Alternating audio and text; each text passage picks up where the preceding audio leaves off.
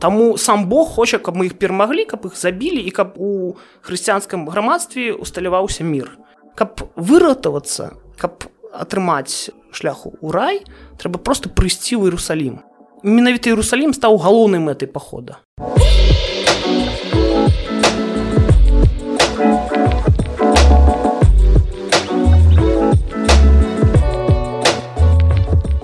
Добрый дзень шаноўнае гаспадарства з вами падкаст так склалася гістарычна і я дзягельганна Сёння ў не ў гасцях мой аднакурснік мой сябра кандыдат гістарычных навук Яўгены гурынаў вітаю Яўген добрый дзень добрый дзень Ганна. Добрый дзень шаноўныя слухачы Яўген я ведаю і чытала нават твою дысертацыю пра крыжовыя паходы Ну не так шмат людзей у беларусі займацца такой тэмай расскажы кай ласка як так склалася і пра што менавіта была твоя работа Ну як склалася гэта не ведаю напэўна у многіх так было. Гэта такі след з дзяцінства. То бок калі я быў маленькі прачытаў одну кнігу. Это была энцклапедія называлася на я пазнаю мир это была энцклапедыя пра рыцару Ну і там вельмі вялікі раздзел быў прысвечаны менавіта тэме крыжовых паходу зацікавіўся ну і далей ось гэты след цягнецца за мной да гэтага часу. А другое пытанне наконт дысертацыі ну калі прыйшоў на гістфак пачаў займацца крыжовымі паходамі зразумеў што мне цікава менавіта гісторыя дзяржаваў якія былі заснаваны на бліжнім усходзе крыжаносцамі і высветлілася што найменш вывучаная з іх гэта гісторыя графства дэскага Ну я браў гэтую тэму. Ну, дарэчы дысертацыя мы называецца графства дэскай у сістэме дзяржаву крыжаносцаў першая палова 12 стагоддзя ну вось гэты след адтуда з дзяцінства а цікаўнасць да тэмы гэта ну гэта гістфак гістфак бДУ скажи кай ласка А что такое крыжовыя паходы? Вось что гэта за з'ява такая? Здаецца гэта адна з самых таких папсовых візітовак сцераднявечча але что гэта такое? Так сапраўды. І дарэчы вельмі слушнае пытанне тому что звычайна у нас я нават калі ну рыхтаваўся да з гэтай сустрэчы паглядзеў у гістарычнай энцклапедыі беларускай звычайна пра крыжовыя паходы гаворыць так што гэта военно-палітычнай экспедыцыі по адваяванню святой зямлі там пад эгідай каталіцкай царквы і пад рэлігійнымі лозунгамі. Ну з майго пункту гледжання гэта памылка ці можна сказаць недарэчнасць таму што фактычна мы опісваем гэтую з'яву у катэгорыях якія ўласцівы менавіта нашаму мысленню і нашай эпохі Таму што тагачасныя людзі яны ўспрымалі гэта крышку інакш.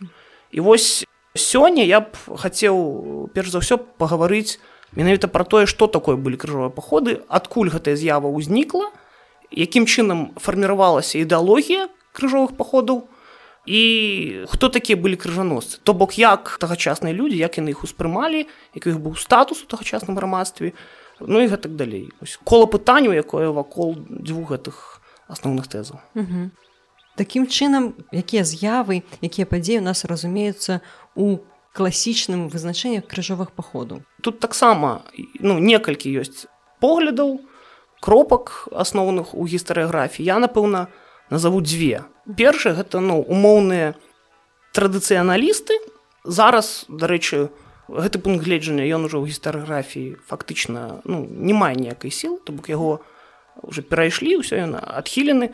Гэта тыя гісторыкі якія вылучалі восем асноўных крыжовых паходаў. Ну, перш гэта ў Іерусалім і апошні там это так званы восьмы крыжовы паход калі людовік святы французскі кароль ён э, памёр у тунісе. Зараз гэты пункт гледжання ён уже прызнаны ну састарэлым. І фактычна зараз мы павінны весці размову пра плюралістычны падыход то бок крыжовыя паходы гэта вельмі шырокая з'ява Яна мае пачатак ён ну так вельмі добра адзначаны гэта 1095 год то бок сабор у клермоне дзе папа урбан другі ён абвесціў першы крыжовы паход. А вось якую дату лічыць заканчэнне эпохі крыжовых паходаў тут ну, кансенсуса сярод гісторыкаў няма тому что тут называюць і бітву прыліпанта і венскую бітву і там ось акупацыю мальты наполеонам гэта ўжо ну самы конец 18 стагоддзя так ну таму что фактычна прыпыніў сваё існаванне мальтызскі ордэн менавіта як военная арганізацыя пасля гэтага ён існаваў існуе дагэтуль але гэта ўжо цалкам дабрачынная арганізацыя.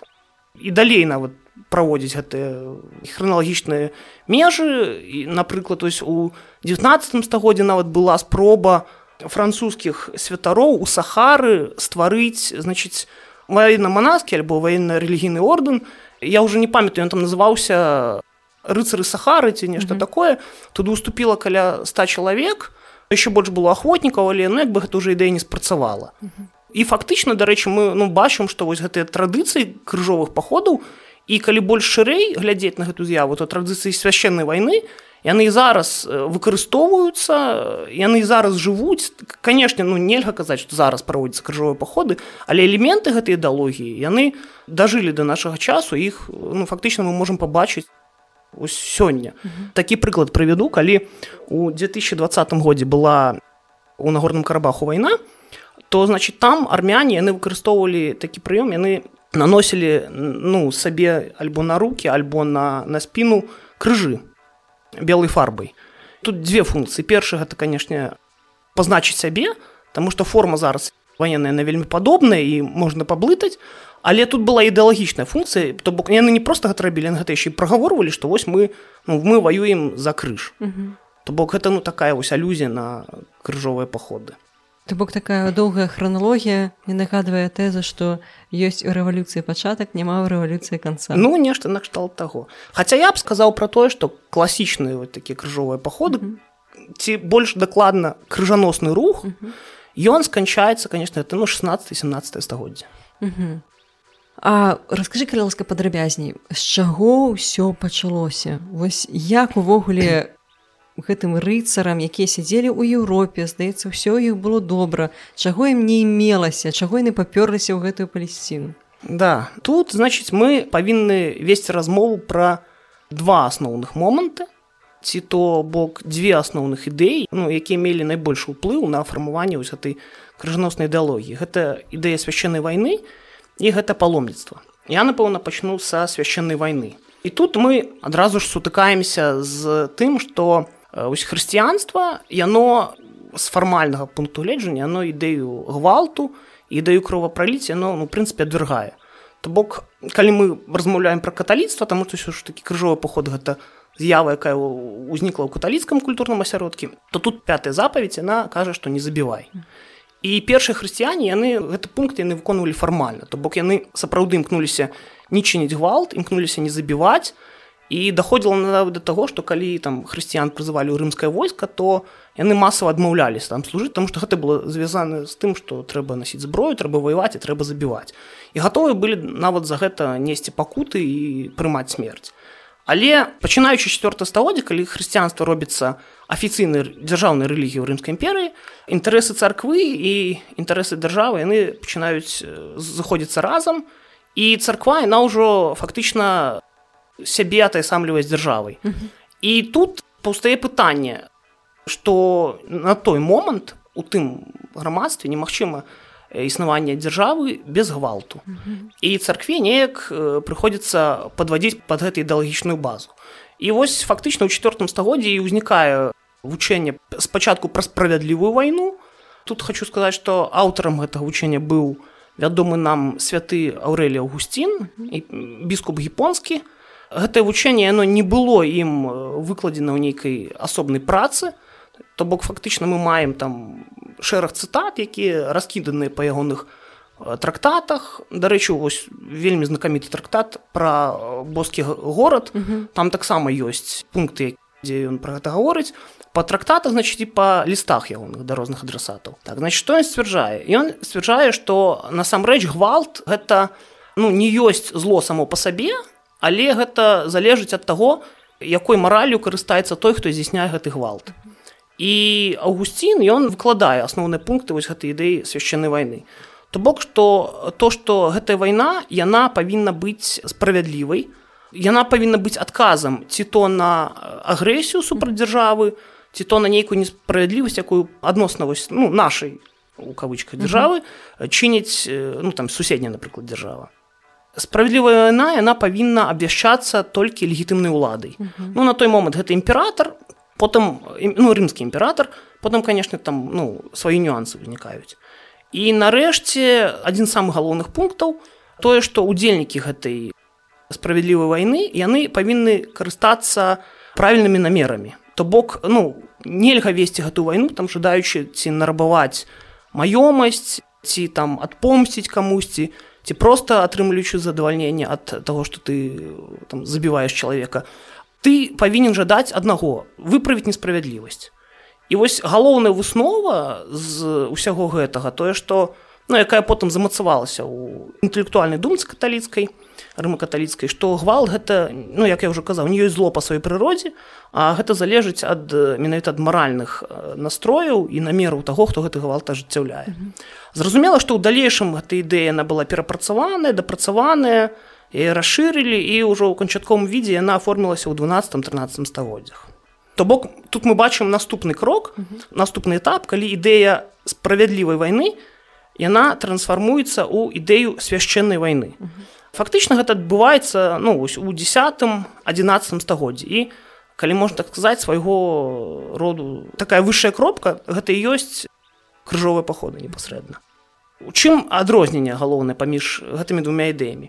Калі ну вось мы разглядаем справядлівую вайну то гэта маральна-юрыдычны акт. Калі мы кажам пра свяшчэнную вайну то гэта перш за ўсё акт рэлігіі. Тут як бы дадаецца Бог да гэтай дзеючых асоб. Так угу. так зноў тут вайну павінна аб'яўляць толькі законная легітымная ўлада але важное дакладненне гэтую вайну павінен абвяшчаць носьбіт сакральнай улады. То бок гэта альбо ось імператор священнай рымскай імперыі або папа рымскі альбо кароль. Ну хаця звычайна ну размова вялася пра першых двух то бок пра імператора альбо пра папу. Затым павінна быць справядлівая прычына і тут калі гаворка заходзіла пра свяшчэнную вайну то значыць тут часцей за ўсё казалі пра існаванне пагрозы хрысціянскаму грамадству хрысціянскаму свету звычайна пагрозы звонку.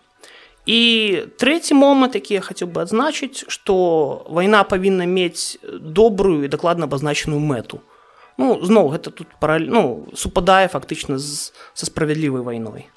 Чаму ж адбылася гэтая трансфармацыя?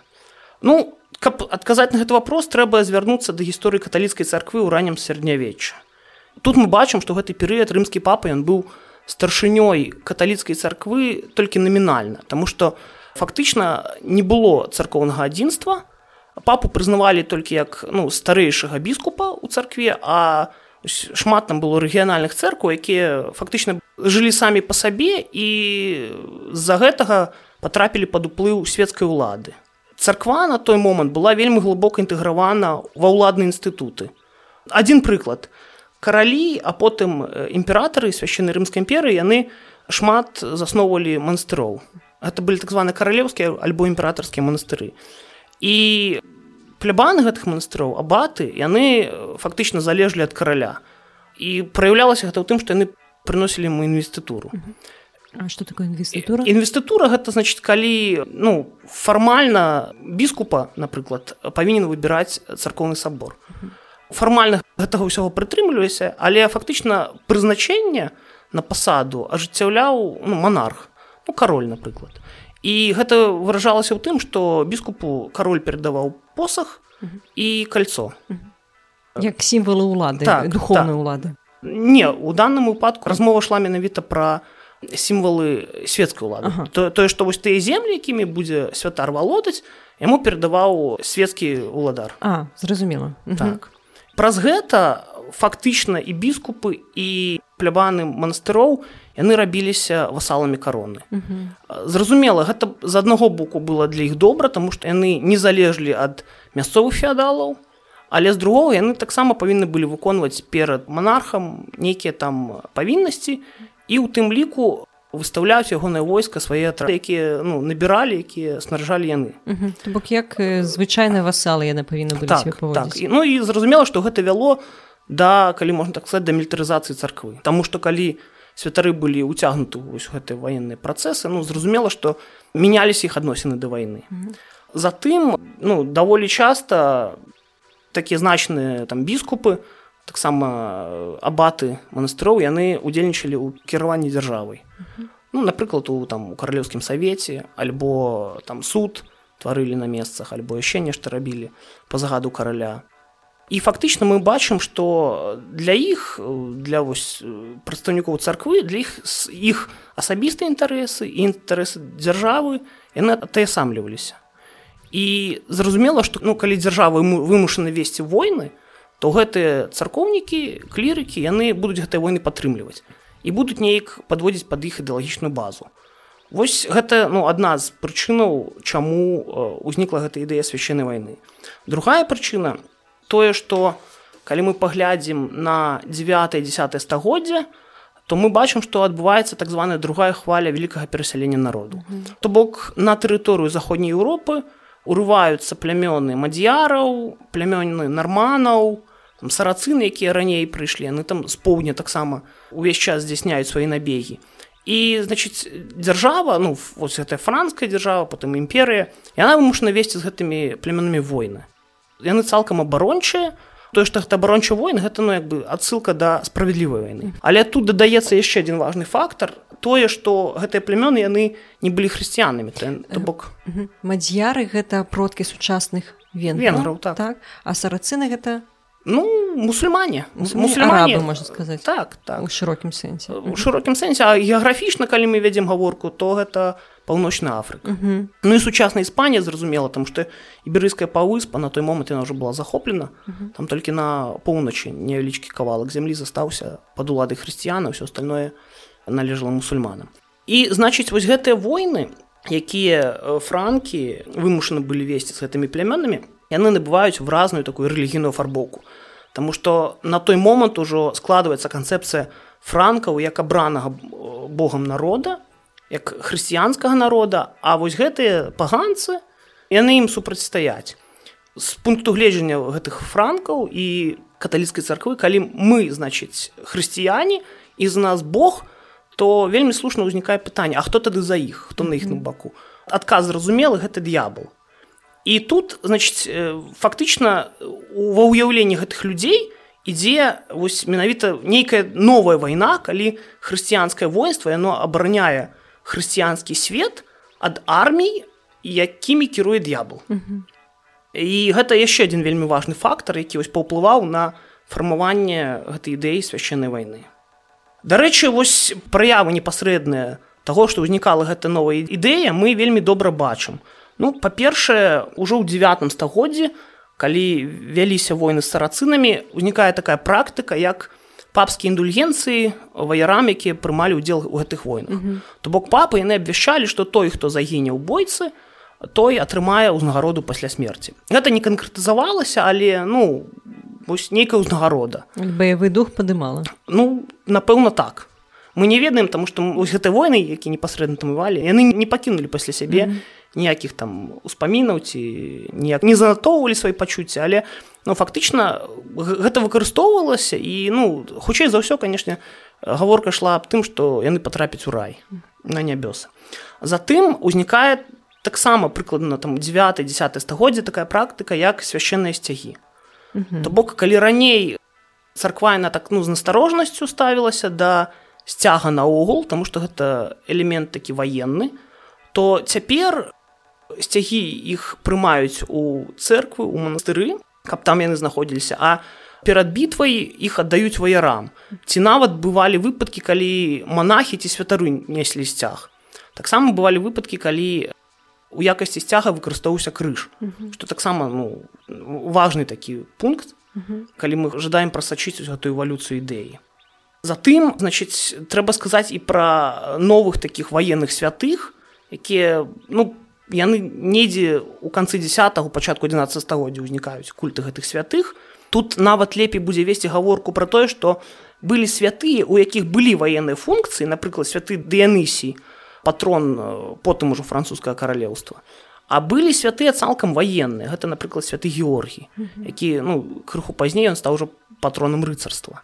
І гэта таксама вельмі важна таму што царква на ну ўсё больш больш мілітарызуецца. Хоць тут я не ведаю што будзе больш карэктней казаць? Пра мілітарызацыю царквы альбо пра хрысціянізацыю ваеннай сферы? Тут як бы так і так можна залежыць ад таго з якога там пункту гледжання. Ну і яшчэ адзін вельмі важны момант гэта рух за Божы мір, які ў заходняй Еўропе ўзнікае ў канцы 10 стагоддзя. Геаграфічна гэта поўдзень Францыі. Потым ён распаўсюджваецца там і на поўнач Францыі, у Германію і на іберыйскую паўвыспу і ў Італію. Ну фактычна пра што ідзе гаворка. На той момант вельмі шмат вядзецца баявых дзеянняў непасрэдна ў Еўропе калі там хрысціянскія войны змагаюцца з хрысціянскім войнамі. Ну такія класічныя міждоусобіцы і царква яна імкнецца нейкім чынам зменшыць вось гэту вось варажнечу зменшыць гвалт і яна значыць уводзіць рух Божага міру. то бок царква сцвярджае што ёсць катэгорыі насельніцтва на якіх нельга нападаць. Перш за ўсё гэта самі клірыкі затым гэта сяляне затым гэта там жанчыны вандроўнікі монахі якія таксама вандруюць. Карацей кажучы усе тыя хто не носіць зброі. І цікава што каб ну гэты парадак падтрымліваць каб прымушаць тых хто не хацеў прытрымлівацца гэтага божага міру царквайна выкарыстоўвае ваяроў рыцараў якія згодныя былі гэтага божага міру прытрымлівацца то бок фактычна каб нелегітымаваны гвалт падавіць царква выкарыстоўвае гвалт. Это таксама вельмі важна. То бок фактычна ось к 11 стагоддзю ўжо сфармавалася ідэя про тое што галоўнае прызначэнне ваяроў а пазней гэта да рыцарства ўжо будзе адносіцца гэта абарона царквы і абарона хрысціянскае грамадства ну ад знешняй ад унутранай пагрозы. То бок знешняя пагроза гэта там неверныя паганцы унутраныя гэта тыя хто не хоча жыць по законам гэтага грамадства. Апошнюю цагліну гэту падмурак укладае другая палова 11 стагоддзя калі пачалася барацьба за інвестытуру паміж рымскімі папамі і германскімі імператарамі. Тут як бы папы яны напоўніцу скарысталі гэту ідэю свяшчэннай вайны даходзіла да таго што папы яны сцвярджалі што вось не ёсць грахом забіваць паганца а генрыхаўцы ну я маю на увазе тыя хто падтрымліваў германскага караля а потым імператара і генрыха четвертого яны горшыя за паганцу Таму сам Бог хоча каб мы іх перамаглі каб іх забілі і каб у хрысціянскім грамадстве усталяваўся мір мір і парадак. Ствараецца папскае войска. Папы вельмі актыўна шукаюць сабе прыхільнікаў сярод светецкіх уладароў сярод там розных графаў князёў. Гэтыя людзі робяцца ну калі выкарыстоўваць тэрміналогію тагачасных крыніц вернымі то бок фіделес папы. Ну, яны абяцаюць яму сваю службу перш за ўсё ваенную каб абараняць папства абараняць вось гэты хрысціянскі свет. Перш за ўсё ад унутранай ўжо пагрозы тому што унутраная пагроза гэта лічыліся ну генрыхаўцы староннікі германскага імператара зноў жа ўзнікае папскі сцяг узнікае значит звычай бласлаўляць зброю ну шмат можна казаць але фактычна мы бачым што вось гэта ідэя священнай вайны яна уже набывае такі завершаны выгляд. То бок гэта вайна якая вядзецца пад эгідай папства дзеля абароны хрысціянскага міру. Альбо ад знешніх ворагаў гэта паганцы альбо ад унутраных ворагаў. Гэта ну ось на той момант гэта староннікі германскага імператара але фактычна гэта тыя хто потым іх месца зоймуць схізматыкі і ерытыкі это калі казаць пра першы кампанент пра свяшчэнную вайну. Дзякуй вялікі то бок прынцыпе такім чынам фармулюецца ідэя што па-першае царква можа весці вайну па-другое гэта вайна можа быць асвечана Богам і па-трэцяе у праціўнікі царквы у праціўнікі папа можа папаць у прынцыпе любы хто супраць царквы фактычна так я толькі удакладніў першы mm -hmm. пункт што царква можа абвяшчаць свяшчынную mm -hmm. вайну і гэту вайну рыцарства альбо воіны просто ну потому что для 11 стагоддзя яшчэ казаць про то што сфармавалася рыцарства мы не можам гэты mm -hmm. інстытут узнік пазней але потым гэтыя ўсе канатацыі іх перанеслі менавіта на рыцарства што значыць што армія войска светская яно можа весці не то што можа яно павінна весці свяшчынную вайну дзеля абароны папства дзеля абароны царквы mm -hmm. Вось гэты кампаненты былі з пункту гледжання са стараны царквы са стараны высокага духоўнага кіраўніцтва. А якія матывы, якія перадпасылкі былі з боку ну, простых людзей, простых хрысціян. Ну гэта, канешне, перш за ўсё страх перад пеклам і ось пачуццё сваёй грахоўнасці. Таму што тады ну чалавек ён вельмі баяўся, што ён патрапіў пекла, вельмі баяўся грахоў, які ён рабіў і адным з механізмаў, як пазбегнуць вось гэтай кары за грахі было паломніцтва. Ну іх было значна больш, канешне, але ну я закрану толькі гэтае пытанне, таму што яно непасрэдна датычыцца тэмы крыжовых паходаў. Значит, ну, што такое паломніцтва? Гэта калі носьбіт той ці іншай рэлігіі вандруе да аб'екта, да месца, які ў гэтай рэлігіі лічыцца сакральным. Фактычна у сярэднявеччы мы бачым, што адносіны да паломніцтва яны былі дваістыя.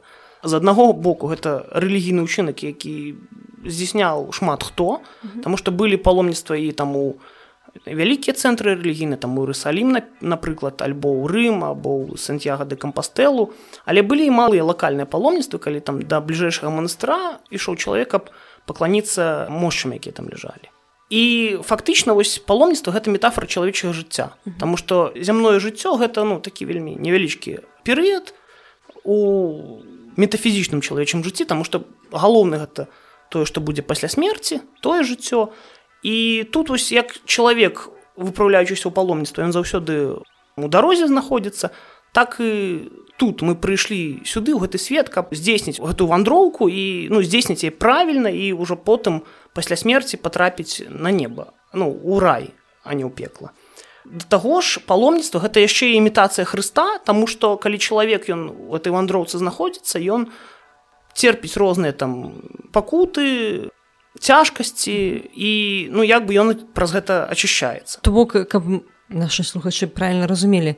Гэта не цяпер паломіцца што мы селі ў аўтобус потым самалёт заселіліся ў гатэль са сняданкам потым прыехалі арганізаваныя групы ў манастыр там пахадзілі паглядзелі нам экскурсавод паказаў дзе што знаходіцца не то бок у сярэднія вякі і гэта нейкім чынам па-іншаму адбывалася правильно канешне канешне і перш за ўсё таму што не было тады ні аўтобусаў не самалётаў а у ўсё даводзілася рабіць альбо пешу альбо там вярхом на кані але ну фактычна ну лічылася што трэба пешкі ісці ў паломніцтва ну, то бок э, паломніцтва гэта не просто трэба прыехаць у нейкае месца і там ужо духоўна расці а гэта і шлях таксама конечно конечно. Гэта перш за ўсё шлях і дарэчы вось калі там напрыклад там з умоўнай францыі там чалавек выпраўляўся у Ерусалім то то тады гэты шлях ён займаў ну некалькі год uh -huh. ну, натуральна там год два гэта ну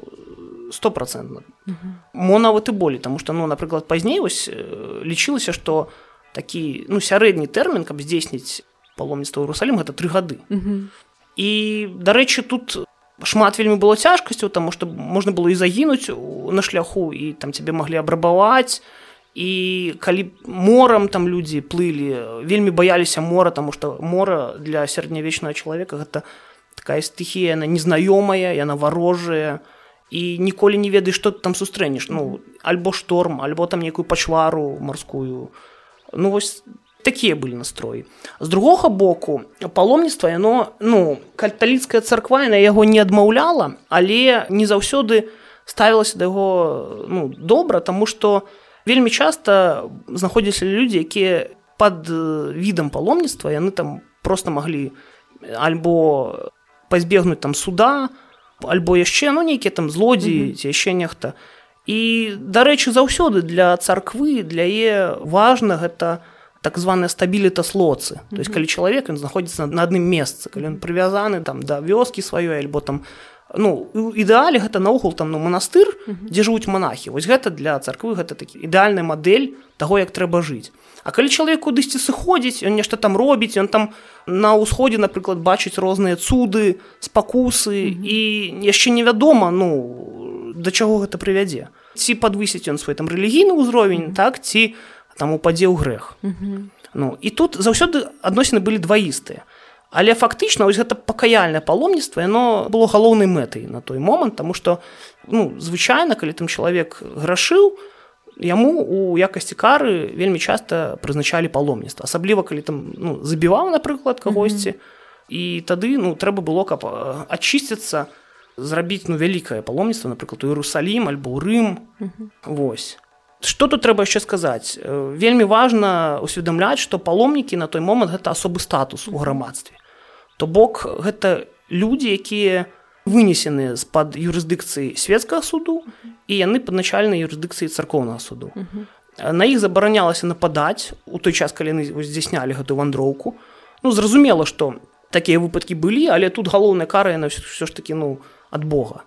Калі ты гэта парушаеш то ну чакаеш што ты будзеш за гэта пакараны перш за ўсё ну тымі вышнімі сіламі а не зямным судом. Хаця ну высілкі прымаліся каб караць тых хто нападаў на палоннікаў тых хто рабаваў іх і дарэчы вось гэты Божы мір пра які казаў ён у тым ліку адной з катэгорый якія там прапісвалася што на іх нельга нападаць это былі паломнікі затым былі меры мэтай якіх была абарона маёмасці і сем'яў паломнікаў. То бок нельга было адбіраць у іх маёмасць нельга было там крыўдзіць іх сем'і значитчыць калі яны там пазычалі грошы то пагашэнне ну адкладвалася.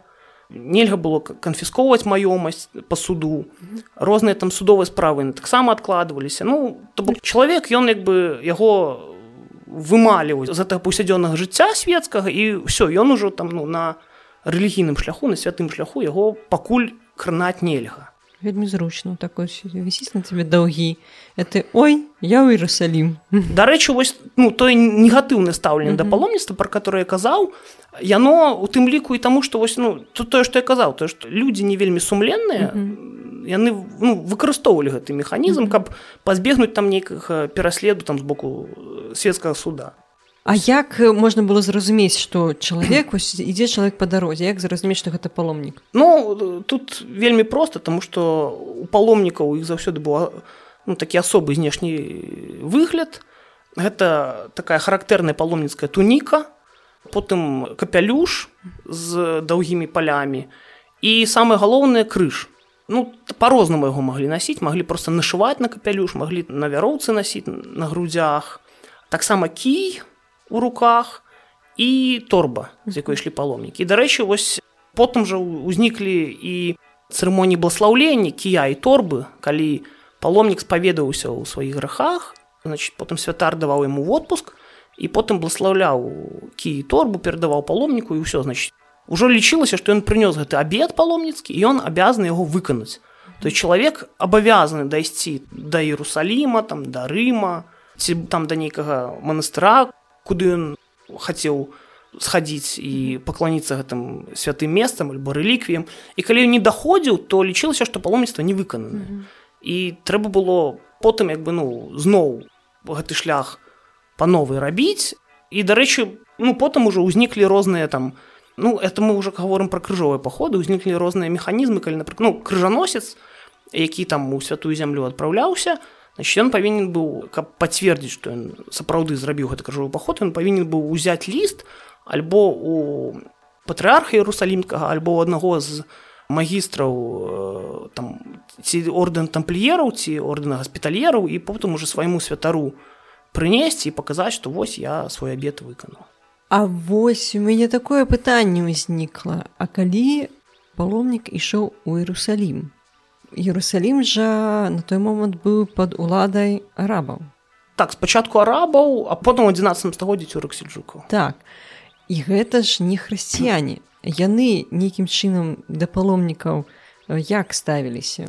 Ну, калі казаць пра э, перыяды заваяванняў ну, ці арабскіх ці цюрскіх, ну, зразумела, што тады ну, былі цяжкасці. Ну, аб'ектыўнай цяжкасці, калі значит, просто ты мог там попасці под гэты баявыя дзеянні і загінуць ну і зразумела канешне адвышалася вось гэты ну, рабаўніцтва ну, часцей рабавалі на дарогах але фактычна мы бачым што і пры арабах і пры, пры цюрках не было вось такой забароны тотальнай што вось мы вам не дазваляем хадзіць там у Ерусалім не хадзілі зразумела сплочвалі там нейкую падарожную але ну забаронена не было і ўсё было больш-менш як бы нармальна хоць былі там эксцэсы ну вось напрыклад там у 1009 годзе халіф альхакім ён там разбурыў храм і ну былі цяжкасці з тым каб патрапіць у Іерусалім але фактычна вось нельга сказаць што там была забарона хадзіць да Іерусаліма тут другое пытанне што было ўяўленне што там ось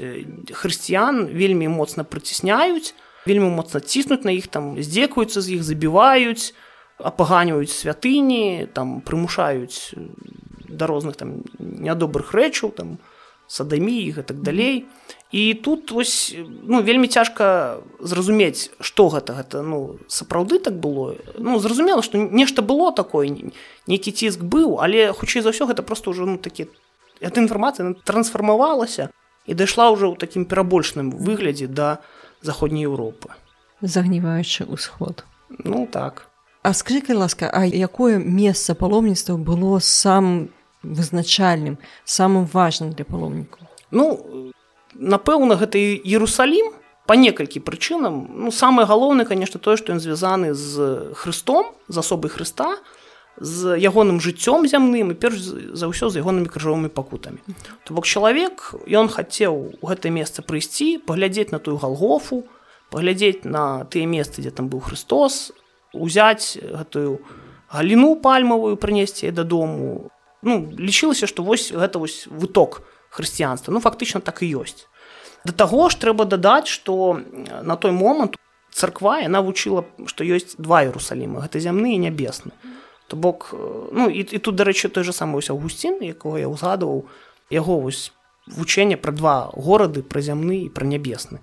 І тое што мы тут на зямлі мы павінны так пражыць гэтае жыццё каб патрапіць у нябесны Ерусалім то бок што мы заўсёды павінны працаваць над сабой паляпшаць сябе свае там пачуцці свой духоўны ўзровень каб атрымаць ось гэту ўзнагароду у выглядзе нябеснага Ерусаліму але народ просты просты люд які ну быў не вельмі дасведчаны в гэтых усіх высокіх вучэннях яны вельмі так спрошчана ўспрымалі гэтае вучэнне ну і лічылася што каб выратавацца каб атрымаць шляху ў рай трэба просто прыйсці ў Ерусалім mm -hmm. ну ось у ты Ерусалім который тут на зямлі ну, горад фізічна наведаць гэты горад вось гэта яшчэ один фактор такой папулярнасці Ерусаліма наогул лічылася нават што калі ты туды прыйшоў і там памёр цябе там пахавалі то падчас другого прышэсця табе будуць нейкія прэферэнцыі. Mm -hmm. ну можа там менш строга будзе Господь тебе судзіць на суддзе і дарэчы гэта праяўляецца еще ў тым што Ерусалім на той момант ён лічыўся пупам зямлі так званым то есть самым самым цэнтрам. І нават былі спробы вось ну мы ў хроніках знаходзім гэтай згадкі вызначыць менавіта вось такі вельмі дакладны геаграфічны цэнтр сусвету літаральна кропку дзе вось вось самы самы цэнтр і там людзі прыходзілі нейкія бярвенні подвешвалі калі быў поўдзень потым глядзелі ну як падаюць там промні сонца каб ну не, не было ценю альбо там шукалі нейкія калодцы таксама і лічылася што калі у поўдзень туды промні сонца трапляюць роўна то вось гэтае месца. Звязвалі гэта з тым што тут вось Христос там сустрэўся з Марыяй магдаленай ці яшчэ там. Ну фактычна вось гэта гэта самы самы цэнтр сусвету для сярэдневяковага чалавека гэта Ерусалім Такім чынам якія можна падвесці вынікі з нашай сённяшняй размовы?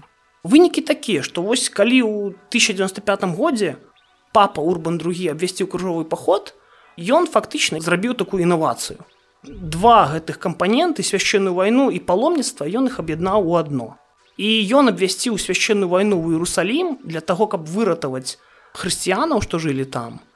І адначасова ён гэтую вайну і ён і людзі, якія прымалі ўдзел у першым крыжовым паходзе, яны гэтую вайну яны успрымалі як пакаяльнае паломніцтва. І вось узнікла новая з'ява, новы феномен узброенае паломніцтва, чаго раней ніколі не было, таму што ну паломніцтва хадзілі без зброі. Але тут гэта паломніцтва ў Ерусалім з мэтай яго вызваленне вызвалення ўсходніх хрысціянаў ад ось гэтай улады няверных. І людзі якія будуць прымаць у ім удзел якія дойдуць туды якія выканаюць гэты абед яны атрымаюць прашчэнне грахоў. То бок ну яны будуць пазбаўлены неабходнасці там трымаць нейкую індульгенцыю. І гэта ім залічыцца як тым жа самым паломнікам якія хадзілі ў Іерусалім. Ось фактычна два гэтых кампаненты. у свяшчэнная вайна і паломніцтва яны склалі той падмурак на якім каталіцкая царква у канцы 11 стагоддзя вось стварыла гэту новую ідэю новы феномен крыжовых паходаў ну, які потым зажыў ужо сваім жыццём. Але напэўна гэта іншая ўжо размова таму што тут таксама шмат пра што можна гаварыць шмат што можна расказаць. Паговорым пра наступствы рэалізацыі гэтай ідэі у наступны раз. А пакуль Евген дзяка вялікі за размову. Дякую што запрасіла. І я хочу падзякаваць усім подписчикам у нстаграме у фейсбуку у кантакце нават у Ютубе. Усім подписчикам на ўсіх пляцоўках дзе размяшчаецца подкаст на Apple подкастах на Яндекс музыкі Google подкастах і шмат яшчэ дзе я вам вельмі ўдзячная за падтрымку. Асаблівая падзяка патронам спонсорам праекту на патрыоне людзям якія ахвяруюць свае грошы на развіццё гэтага праекту. Дзякую вам вялікі я вам вельмі ўдзячная. Ну і канешне я асабліва ўдзячная усім людзям якія слухаюць падкаст Я вельмі важліва сачу за статыстыкай, радуюся кожнаму наступнаму праслухоўванні, кожнаму лайку, чытаю кожны каментар, гляджу, хто там ставіць лайкі ў соцсетках, Так што ад мяне ніхто не сыдзе ад маёй увагі. Наступным разам мы з Еўгенам зноў будзем гаварыць пра крыжовыя паходы, не пераключайцеся.